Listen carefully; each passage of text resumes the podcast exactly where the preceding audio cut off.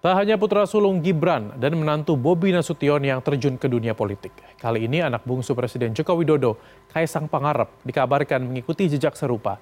Presiden Jokowi mengaku membebaskan dan tidak menentukan pilihan anak-anaknya itu.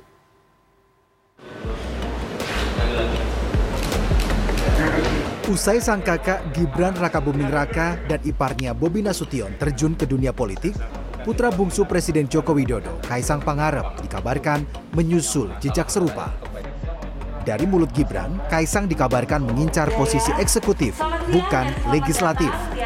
Presiden Jokowi pun membenarkan isu putra bungsunya itu terjun ke dunia politik. Meski begitu, Presiden menegaskan tidak mengintervensi keputusan Kaisang. Ia mengaku membebaskan pilihan anak-anaknya itu sudah ngomong ke saya, tapi saya selalu memberikan kebebasan kepada mereka.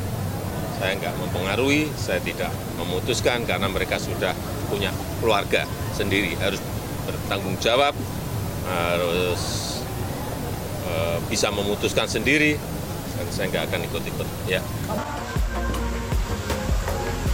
Sementara itu, putra sulung Presiden Gibran Rakabuming Raka mengaku belum memutuskan maju dalam pencalonan gubernur di Pilkada 2024 mendatang. Meski begitu, wali kota Solo itu memberi sinyal siap jika diberi restu oleh partai dan rakyat. Saya ini bukan hanya sebagai kader partai, tapi juga sebagai kader warga. Jika ada support dari partai dan warga, ya saya harus siap. Sebagai partai yang menaungi Gibran, PDI Perjuangan pun angkat bicara.